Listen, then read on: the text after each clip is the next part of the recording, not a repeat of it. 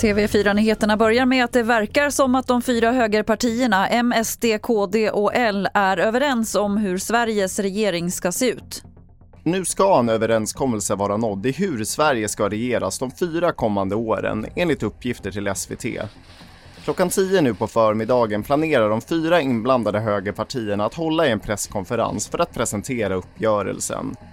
En timme senare vid 11 ska moderatledaren träffa talman Andreas Norlén för att ge besked. Reporter här var David Olsson. Igår kväll var det skottlossning i Västerås. Flera skott ska ha avlossats mot ett bostadshus i stadsdelen Råby.